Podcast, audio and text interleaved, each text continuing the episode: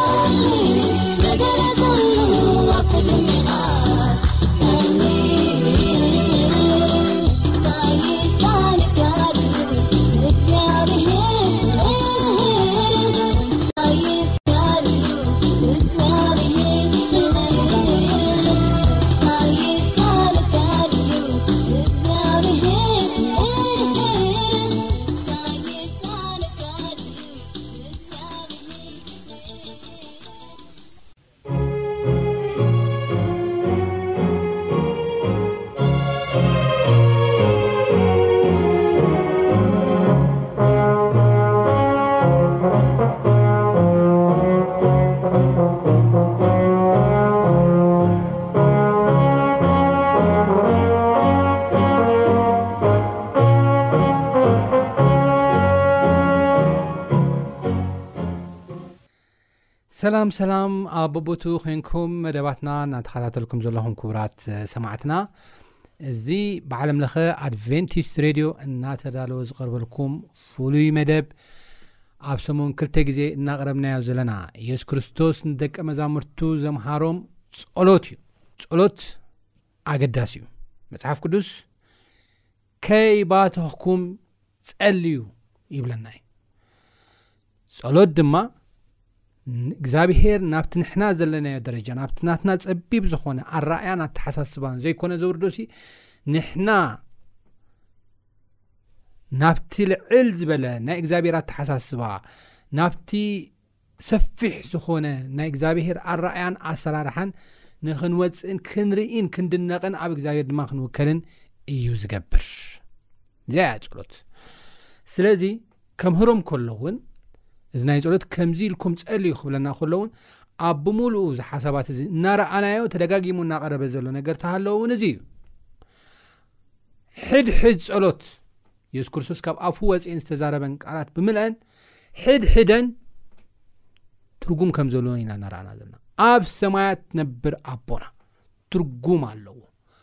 ስምካ ይቀደስ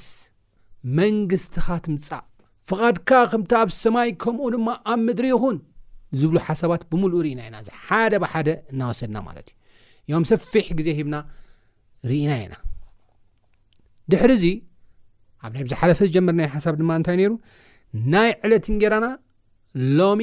ሃበና ዝብል ሓሳብ ጀሚርና ነርና እዚ ናይ ዕለት እንጌራና ሎሚ ሃበና ዝብል ቃል እቲ እንጌራ ዝብል ቃል እንጌራ ዝንበልዖ ጥራሕ ዘይኮነ እንጌራ እቲ ኣብ መጎጎ ንስንክቶ ጥራሕ ዘይኮነሲ ሙሉእ ፓኬጅ ዝሓዘ ከም ዝኾነ እዩ ዝነገረና እቲ ዘድልየና ነገር ኩሉ ጥዕና ክኸውን ይኽእል፣ ስራሕ ክኸውን ይኽእል፣ ሰላም ክኸውን ይኽእል፣ ውላድ ክኸውን ይኽእል፣ ሓዳር ክኸውን ይኽእል፣ ኣብ ህይወትና ዘድልየና ነገር ማለት እዩ ብምሉ ንህይወትና ኣገዳሲ ዝኾነ ነገር ሃበና ማለት ከም ዝኾነ ተቓልቲ እዩ ዘረዳእና እንጌራ ስለ ዝበለ ኣብቲ እንጌራ ዝብላዕ ጥራሕ ዝተወሰነ ከም ዘይኮነ ተሓሳብ ከስምረሉ ደልየ ሓደ ፓርቲ እቲ እንጌራ እቲ ሓሳብ ክንርድኦ ከልና ተጠቕስ ክንርድኦ ከልና ማለት እዩ እሞ እዚ ነገር እዚ ድማ ኣብ ዝሓለፈ ናይ ቃል ግዜና ከድና ንሪእሉ ዋን እግዚኣብሄር ንክህበና ፍቓደኛ ከም ዝኾነ ኢና ርኢና ማለት እዩ ስለዚ ከምዚ ኢልና ክንፅሊ ከም ዘምሃርና ኢና ርና ሎሚ ከዓ ኣብዚ ናይ ቀፃለ ክፋል ናይ ሎሚ ከዓ ንሪኦ ሓሳብ ብጣዕሚ ዝገርም ክልተ ዓበይቲ ሓሳባት ክንርኢና ማለት እዩ እታ ቀዳመይቲ ናይ ዕለት እንጌራና ሎሚ ሃበና ክብለና ከሎ እግዚኣብሄር ኩሉ ግዜ ኣብ እግዚኣብሄር ክንውከል ኩሉ ግዜ ኣብኡ ክንድገፍ ስለ ዝደሊ እዩ ብጣዕሚ ዝገርም ሓሳብ እዩ ኩሉ ግዜ ኣብኡ ክንድገፍ ኩሉ ግዜ ኣብኡ ክንውከል ኣዒንትና ናብኡ ክንገብር ተስፋና ኣብኡ ክንገብር ስለ ዝደሊ እዩ እስራኤላውያን ድሕሪ 400 ናይ ባርነት ዓመታት ካብ እግዚኣብሔር ርሒቖም እቲ ናይ እግዚኣብሔር ሕግታት ረሲዖም ምናልባት ኣብቲ ውሽጢ ካብ ትውልዲ ናብ ትውልዲ ካብ ትውልዲ ናብ ትውልዲ እናተሰሃገረ ዝመፀ ብጭምጭምታ ዝሰምዕዎ ኣብ ሰማይ ኣምላኽ ኣሎ ናይ እስራኤል ኣምላኽ ናይ ኣቦና ያቆብ ኣምላኽ ናይ ኣብርሃም ኣምላኽ ኢሎም ዝዛረብሉ ትውፊት ባህሊ ክህልዎም ይኽእል እዩ ወይ ድማ ፈጢሮም ነይሮም ይኾኑ እዮም ኣብ ባርነት ከሎ ኣርባዕተ ሚእቲ ቀሊል ዓመት ኣይኮነ ናይ ባርነት ዓመታት ግን ብሓፈሻ ከይና ንርእየሉዋን ንዕኦም ኣካላዊ ፅልመት ናይ ህይወት ፅልመት ካብ ትውልዲ ናብ ትውልዲ እናተሳገረ ዝመፅእ ናይ ትውልዲ ፅልመት ጥራሕ ዘይኮነ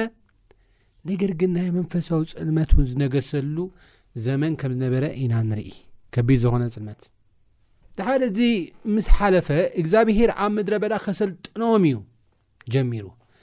ከሰልጥኖም ከሰልጥኖም ከሰልጥኖም ይወፅ ስለዚ ኣብቲ ናይ መጀመርያ ኣከባቢ ዝነበረ ስልጠናታት ተሓደን ዓብዪ ስልጠናን ኣብ ዘፃኣት መራፍ 16 እዩ ዘፃኣት መራፍ 16 ዘሎ ሓሳብ እዩ እዚ ብ ዘፃኣት መራፍ 16 ዘሎ እግዚኣብሄር ካብ ዝሃቦ እቲ ናይ መጀመርያ ትምህርቲ እዩ እተበልና ምግናን ኣይኮነን እዩ ድሕሪ ባርነት ማለት እዩ ከምህሮም ዝደሊ እግዚኣብሄር እንታይ እዩ ከምህሮም ደልዩ ብዘጸኣት ምዕራፍ ዓሰርተ ሽዱሽተ እንተ ኢልና እቲ ቀዳማይ ከምህሮም ዝደለየ ሓሳብ ተሃለወ እንታይ እዩ ኣብ እግዚኣብሄር ክውከሉ ከም ዘለዎም ኣብ ገዛእ ርእሶም ተስፋ ምግባር ኣብ ገዛእ ርእሶም ምውካል ኣብ ቤተሰቦምን ኣብ ኣዝማዶምን ምውካል ሓዲጎም ሙሉእ ብምሉእ ኣብ እግዚኣብሄር ንኽውከሉ ዝዕድም ወይ ድማ ዘምህር ዓብዪ ትምህርቲ እዩ ሂብዎም እቲ ታሪክ ንርኣዮ ምድረ በዳ እዩ ምንም ነገር የብሉን እዞም ሰባት እዚኦም ኣብ ግብፂ ወላ ባሮት እኳ እንተነበሩ ናብራ ነይርዎም እዩ ብባርነቶም ቁሩብ ቁሩብ ዝረኽቦን እኽሊ ይበልዑን ይምገቡን ነይሮም እዮም ሕጂ ግን ካብቲ ዝነብርዎ ነብሩ ተፈናቂሎም እዮም ወፅኦም ሰብ ዘይኮነስ እግዚኣብሄር ባዕሉ ንሓንሳብን ንሓዋርን ካብ ባርነት ክድሕኖም እዚ ፀልማት ግዜ እዚ ናይ ባርነት ግዜ ንሓንሳብን ናይ ሓዋሩን ካብኦም ካብ ሕቖኦም ሰይሩ እቲ ኣርዑት ናይ ባርነት ነፃ ንኸውፅኦም እዩ ግን እግዚኣብሄር ከምዚ ገይሩ ማለት እዩ ኣብዚ ምድረ በዳ ምንም ነገር ዘይብሉ ፀምፀም በረኻ ረዳእን ሓጋዝን እኳ ዘይብሉ እግዚኣብሄር ግን ረዳኢ ሓጋዚ መጋቢ ከም ዝኾኖም ኢና ንርኢ ሞት ሓሳብ እንታይ እዩ ንርአ ኩሎም ኣኼባ ደቂ እስራኤል ድማ ካብ ኤሊም ነቒሎም ኣብ ምድሪ ግብፂ ምስ ወፁ ኣብ ካልኣይ ወርሒ ኣብ መበል 15 መዓልቲ ኣብ መንጎ ኤሊምን ሲናን ናብ ዘላ በረኻ ሲን መፁ ኩሎም ኣኼባት ደቂ እስራኤል ኣብቲ በረኻ ንሙሴን ንኣሮንን ኣጉረምረሙሎም ይብል እግዚኣብሔር ከምዚ ክሓስብ ከሎ ፍቕሪ ክሓስብ ከሎ ኣዝዩ ዓብ ዝኾነ ሓሳብ ክሓስብ ከሎ ንሶም ግን ናይ እግዚኣብሔር ሓሳብን ትልምን ካብዘይ ምፍላጦም ዝተላዕለ ከግርምርሙን ክዕዘምዝሙን ከሎ ንእግዚኣብሔር ድማ ከጉሂን ከሎ ኢና ንርኢ ደቂ እስራኤል ከዓ ነቲ ኣብ ጥቓ ቁራዕ ስጋ ኮፍ ኢልና እንጌራ ክሳብ ንፀገብ ክንበልዕ ከልና ብኢድ እግዚኣብሔር ኣብ ምድሪ ግብፂ እንተ ንመውት መን መሃበና ኢሎም ከም ተመነይና ንርኢ ግዝያዊ ከቢብዎም ዘሎ ነገራት ብምርኣይ ጥራሕ ተስፋ ከም ዝቖረጹ ሞራሎም ድማ ከም ዝወደቐ ከም ተሃወኹን ከም ተሸበሩን መን ኣለና ኣብዚ ዕንቅርቢትን ተመንን ዘለዎ ምድረ በዳ ዘርቢኹምና ከመይ እዩ ኢሎም ከም ዘጉረምረምሎም ኢና ንርኢ ነገር ግን እቲ ሰናይን ባህ ዘብልን ምሉእን ናይ እግዚኣብሔር ፍቓድ ከስተውዕሉ ይከኣሉን ኣብ ግብፂ ተንመውት መን መሃበና ኢሎም ኣብ ሙሴን ኣብ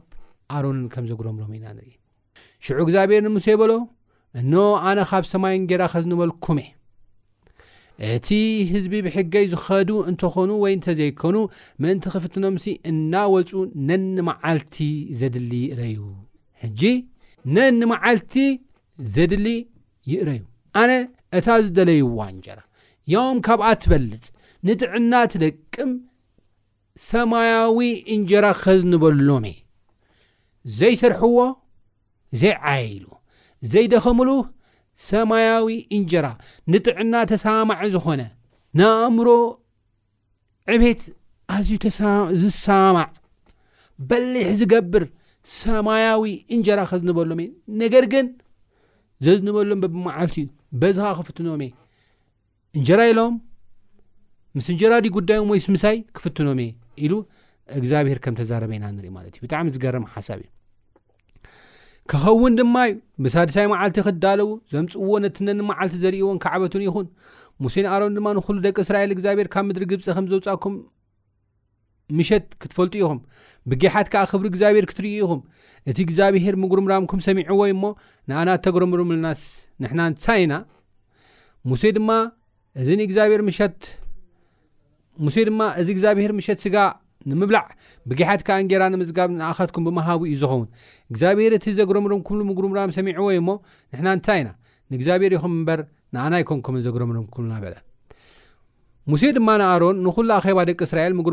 ምጕርምራምኩም ሰሚዑ እዩ እሞ፣ ኣብ ቅድሚ እግዚኣብሄር ቅረቡ በሎም። ኰነ ኸኣ፣ ኣሮን ንብዘሎ ኣኼባ ደቂ እስራኤል ምስ ተዛረበ፣ ንሳቶም ንበረኻ ገጾም ጠመቱ፣ እኖ ኸኣ ኽብሪ እግዚኣብሄር ብደመና ተራእየ። እግዚኣብሄር ድማ ንሙሴ ኸምዚ ኢሉ ተዛረቦ፣ ምጕርምራምኩም ደቂ እስራኤል ሰሚዐዮ እሞ፣ ምሸት ስጋ ኽትበልዑ ኢኹም፣ ብጊሓት ከኣ እንጌራ ኽትጸግቡ ኢኹም፣ ኣነ እግዚኣብሄር ኣምላኽኩም ምዃነይ ከኣ ኽትፈልጡ ኢኹም ኢልካ ተዛረቦም። ኰነ ኸኣ፣ ምሸት ብርኒጆታት ተላዒለን ነቲ ሰፈር ከደንኦ፣ ብጊሓት ድማ ኣብ ዙርያ እቲ ሰፈር ዛዕዛዕ ወዲቑ ነበረ። እቲ ዛዕዛዕ ምስ ዘፈፈ ኸኣ እንሆ ኻብ ገጽ እቲ በረኻ ገለ ደቂቕ ከቢብ ከም ኣሳሓይታ ዝምድቃቑ ኣብ ምድሪ ነበረ። ደቂ እስራኤል ድማ እዚ ምስ ረኣዩ እንታይ ምዃኑ ኣይፈለጡን እሞ እዚ እንታይ ኢሎም ነንሕዶም ተሓታተቱ። ሙሴ ኸኣ እግዚኣብሄር ክትበልዕዎ ዝሃበኩም እንጌራ እዩ በሎም። እቲ እግዚኣብሄር ዝኣዘዞ ነገር እዚ እዩ፣ ነፍሲ ወከፍ ንብልዑ ዝኣክል ካብኡ ይኣክብ፣ ከም ፍቕዱ ነፍሳትኩም ነነፍሲ ወከፍኩም ሓደ ገመር፣ ነነፍሲ ወከፍ ነቶም ኣብ ሓደ ድኳን ዘለዉ ይውሰደሎም በለ። ደቂ እስራኤል ድማ ከምኡ ገበሩ፣ ሓደ ብዙሕ ሓደ ኸኣ ሒደት ኣከቡ፣ ብገመር ድማ ሰፈርዎ፣ እቲ ብዙሕ ዝኣከበ ኣይትረፈን፣ እቲ ሒደት ዝኣከበ እውን ኣይጐደሎን፣ ነፍሲ ወከፍ ከኣ ብልዑ ዝኣኽሎ ኣከበ። ሙሴ ድማ ሓደ ኻብኡ ገለ ክሳዕ ጽባሒቱ ኣየትርፍ በሎም ንሙሴ ግና ይሰምዕዎም ገለ ሰባት ካብኡ ክሳዕ ንጽባሒቱ ኣትረፉ ንሱ ኸዓ ሓሰኸ በድበደ ድማ ሙሴ ኸዓ ብኣታቶም ተናደደ ይብለና ኣብዚ ሓሳብ እዚ ዘርእና ነገር እንታይ እዩ ተቐዳማይ እግዚኣብሄር ወሃቢ እንጌራና እዩ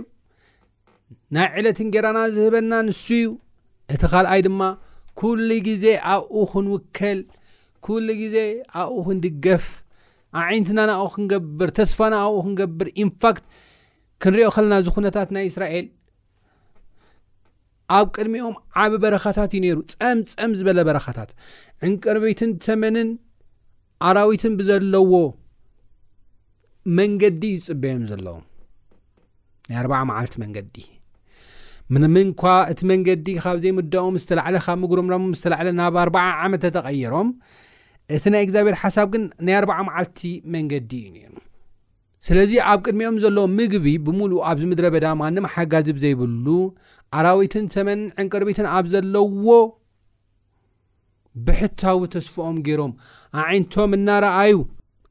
ኣብ እግዚኣብሔር ክውከሉ እዩ ነይሩ እቲ ናይ እግዚኣብሔር እቅድ እዚ ዘምሃሮም ማለት እዩ ነገር ግን ንሶም ኣይተማህሩን ኣይተማህሩን ነዚ ማና ኣብዮም ድማ ንካልእ ከም ዝገበሩ ኢና ንርኢ ስለዚ ናይ ዕለት እንጌራና ሎሚ ሃበና ክብል ከለና እግዚኣብሄር ነናይ ዕለት እንጌራና ንዓና ዝህበና ኣብኡ ምእንቲ ክንውከል ኣብኡ ምእንቲ ክድገፍ ኣብኡ ተስፋና ኣብኡ ጥራሕ ክንገብር ምእንቲ ከም ዝኾነ ዘምህር ሓሳብ እንትኸውን ካብዚ ብተወሳኺ ከዓ ሓደ ዓብዪ እንመሃሮ ነገር ኣሎ ንሱ ድማ እንታይ እዩ ተይልና እግዚኣብሄር ኩሉ ግዜ ስለና ከም ዝሓስብ ኩሉ ግዜ ስለና ግዲ ከም ዝብሎ ከም ዝገዶ ናትና ጉዳይ ዕለት ብዕለት ከም ዘተሓሳስቦ ናትና ጉዳይ ዕለት ንዕለት ከም ዝፈልጦን ከም ዝርድኦን መፍትሑን ከም ዝህብን ዘረድእ ሓሳብ እዩ ንጥሜትና ንሽግርና ንመከረና ኩሉ ሲ ዕለት ዕለት ዝከታተሉ መፍትሒ ድማ ዝህብ እንደገና ከዓ ምሳና ኮሙኒኬት ክገብር ክዘራርብ ዝደሊ ኣምላኽ ከም ዝኾነ እውን እዩ ዘርእየና ማለት እዩ እሞ ናይ ዕለት እንጌራና ሃበና ኢልና ክንጽሊ ከለና እቲ ቀዳማይ ክንገብሮ ዘለና ነገር ተሃለወ እንታይ እዩ ዘይምጭናቕ እዩ ዘይምጭናቕ እዩ መጽሓፍ ቅዱስ ኣብኡ ኣብቲ ማቴዎስ ምዕራፍ 6ዱሽተ የሱስ ክርስቶስ ንደቂ መዛሙርቲ ዘምሃሮም ክዘረብ ከሎ ኣይትጨነቑ ኢሉ ተዛሪቦም ብፍላይ ቁፅሪ 34 ሙሉእ ሓሳብ ከምብበየ ግን ቁፅሪ 34 ከም ዝብል ሓሳብ ኣሎ ፅባሕ ንርእሳ ትጭነቕ እያ እሞ ንፅባሕ ኢልኩም ኣይትጨነቑ ፅባሕ እንታይ ክንበልዕ ኢና ፅባሕ እንታይ ክንሰቲ ኢና ፅባሕ እንታይ ክንገብር ኢና ኢልኩም እንታይ ትግበሩ ኣይትጨነቑ ንመዓልትስ ክፍኣታ ይኣኽላ ኢሉ ከም ተዛረበ ኢና ንርኢ ማለት እዩ ስለዚ ነገን ጭነቕ ናይ እግዚኣብሄር ፍቓድ ኣይኮነን ናይ ዕለት እንጌራና ናይ ዕለት እንጌራና ሎሚ ሃበና እናበልና እናጸለና ተስፋና ሙሉእ ደገፍና ሙሉእ ኣብ እግዚኣብሔር እናገበርና ክንነብር እዩ ዘምህረና ማለት እዩ ማቴዎስ ምዕራፍ 6 ፍቅዲ 15 ከምቲ ቅድም ኢለ ዘንበብኩልኩም ዝነገርኩም ከንብቦ ዝበልኩዎ ከንብቦ ይደሊ ተቀዳማይ እንታይ እዩ ዝብል ካብ መብልዕሲ ህይወት ዶ ይትበልፅን ካብ ክዳንሲ ስጋዶ ኣይበልፅን ስለዚ ንህይወትኩም ብትበልዕዎን ብትሰትይዎን ወይ ንስጋኹም ብትኽደንዎን ኣይትጨነቑም እብለኩም ኣለኹ ንዕዋፍ ሰማይ ተመልከቱ ናይ ሰማይ ኣቦኹም ድኣ ይምግበን እምበር ኣይዘርኣ ኣይዓፅዳ ኣብ ማዕከን እውን ኣይኣክባን እየን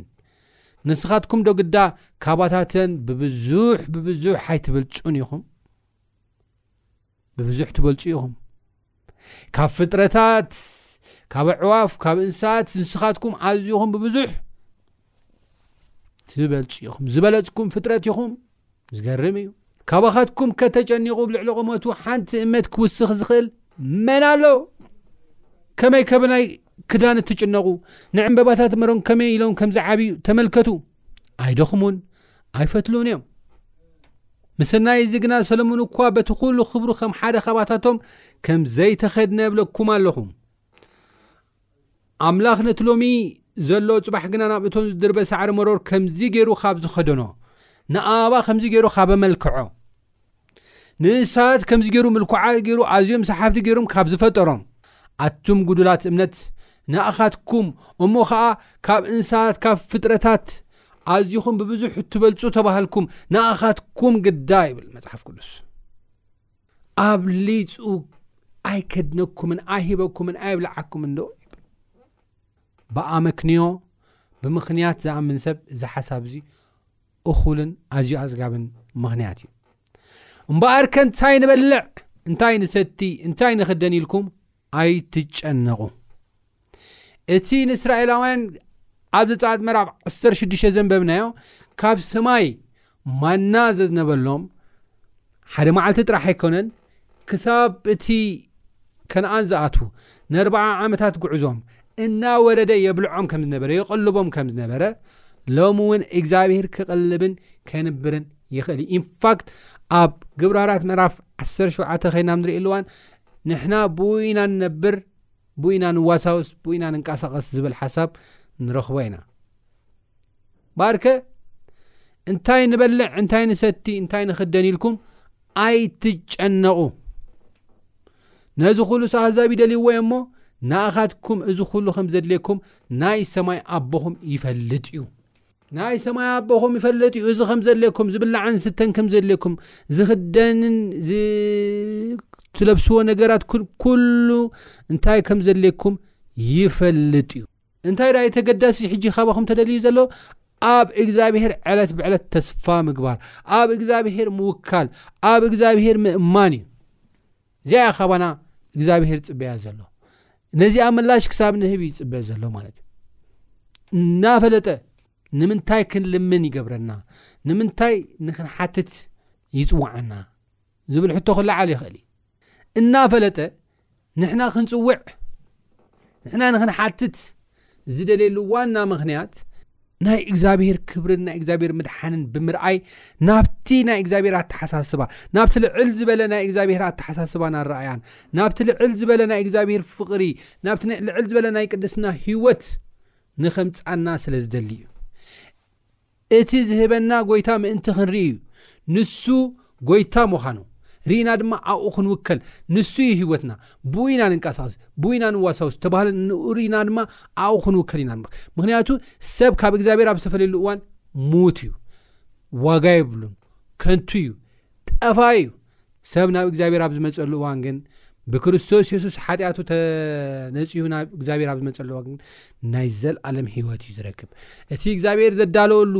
ዓይኒ ዘይረኣዮ እዝኒ ዘይሰምዓቶ ኣብ ልቢ ሰብ ዘይተሓስበ ድማ እግዚኣብሔር ነቶም ዝፈትዎ ድማ ይረክብ እዩ ንዑ እዩ እግዚኣብሔር እናፈለጠ ንኽንሓትት እናፈለጠ ሽሙ ክንጽውዕ እናፈለጠ ናብኡ ንኽንመጽእ ዝደሊ ስለዚ እግዚኣብሔር ክጥቕልል ከሎ ኣብ ማቴዎስ ምዕራፍ 6 ፍቕዲ 33 ቅድም መንግስትን ፅድቁን ድለዩ እዚ ኩሉ ድማ ክውሰኸልኩም እዩ ኢሉ ከም ዝሃበና ኢና ንርኢ ስለዚ ናይ ዕለት እንጌራና ሎሚ ሃበና ክብለና ከሎ ተቐዳማይ ኣብኡ ክንውከል ኣብኡ ክንእመን ስለ ዝደሊ እዩ ተቐዳማይ እቲ ካልኣይ ሓሳብና ድማ ኣብዚ ክንሪኦ ዝደሊ ሓሳብ እግዚኣብሄር ኩሉ ግዜ ናትና ጉዳይ ዘተሓሳስቦ ኣምላኽ ምዃኑ ነቲ ጉዳይና ድማ ፍታሕ ንክህብ ኩሉ ግዜ ላዕለን ታሕትን ዝብል ጎይታ ምዃኑ ኢና ንርኢ ንዚ ጥራሕ ኣይኮነን ድምፅና ንክሰምዕ ናብኡ ክንቀርብ ከልና ድምፅና ንክሰምዕ ኣብኡ ክንውከል ከልና በቃ ኣብ ቅድሚ መቅደሱ ቀሪብና ሽሙ ክንፅውዕ ከልና ኣዝዩ ስለ ዝሕጉሶ ናይ ዕለት እንጌራና ሎማ ሃበና ኢልና በብዕለቱ በብግዜኡ ክንፅሊ ዝፈቅድ እዚ ዝተውዒልና ናይ ዕለት እንጌራና ሎሚ ሃበና ኢልና በብዕለቱ ናብ እግዚኣብሔር ክንቀርብ እግዚኣብሔር ፀጉኡ የብዝሓና ኣብ ዝቕፅል ናይ ዕለት እንጌራና ሎሚ ሃበና ኢሎም ዝፅልዩ ሰባት ኣብ ህይወቶም እንታይ ዓይነት ለውጢ እዩ ዝመፅእ ከመይ ዓይነት ለውጢ ኣብ ህይወቶም ዝኽሰት ዝብል ሓሳብ ክንርኢ ኢና ኣብ ዝቕፅል ብካልእ ክሳብ ንራኸብ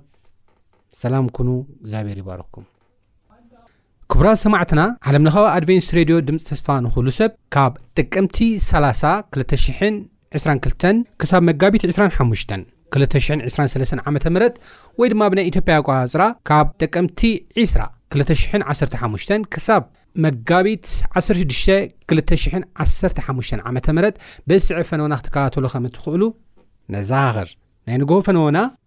ብሸውዓተ ሽሕን ሰለስተ ሚእትን ሓምሳን ኪሎ ሀርዝ ኣርብዓን ሓደን ሜተር ባንድ ከምኡ ናይ ምሸት ፈነወና ብ ዓሰርተ ሓደ ሽሕን ትሽዓተ ሚእትን ሓምሳን ሓሙሽተን ኪሎ ሀርዝ ብ ዕስራን ሓሙሽተን ሜተር ባንድ ኢልኩም ክትከታተሉ ነፍልጥ ክደግሞ እየ ካብ ጥቅምቲ ሰላሳ ክልተ ሽሕን ዕስራን ክልተን ኣትሒዙ ክሳብ መጋቢት ዕስራን ሓሙሽተን ክልተ ሽሕን ዕስራን ሰለስተን ብናይ ፈረንጂ ኣቆፃፅራ ወይ ድማ ብናይ ኢትዮጵያ ኣቆፃፅራ ካብ ጥቅምቲ ዒስራ ክልተ ሽሕን ዓሰርተ ሓሙሽተን ክሳብ መጋቢት ዓሰርተ ሽዱሽተ ክልተ ሽሕን ዓሰርተ ሓሙሽተን ዓመተ ምህረት በዚ ዝስዕብ ፈነወና ክትከታተሉ ከም እትኽእሉ ነዘኻኽር ናይ ንጎ ፈነወና ብሸውዓተ ሽሕን ሰለስተ ሚእትን ሓምሳን ኪሎ ሄርዝ 41 ሜትር ባንድ ከምኡ ናይ ምሸት ፈነወና ብ11955 ኪሎ ሄርዝ 25 ሜትር ባንድ ኢልኩም ክትከታተሉ ንዕድም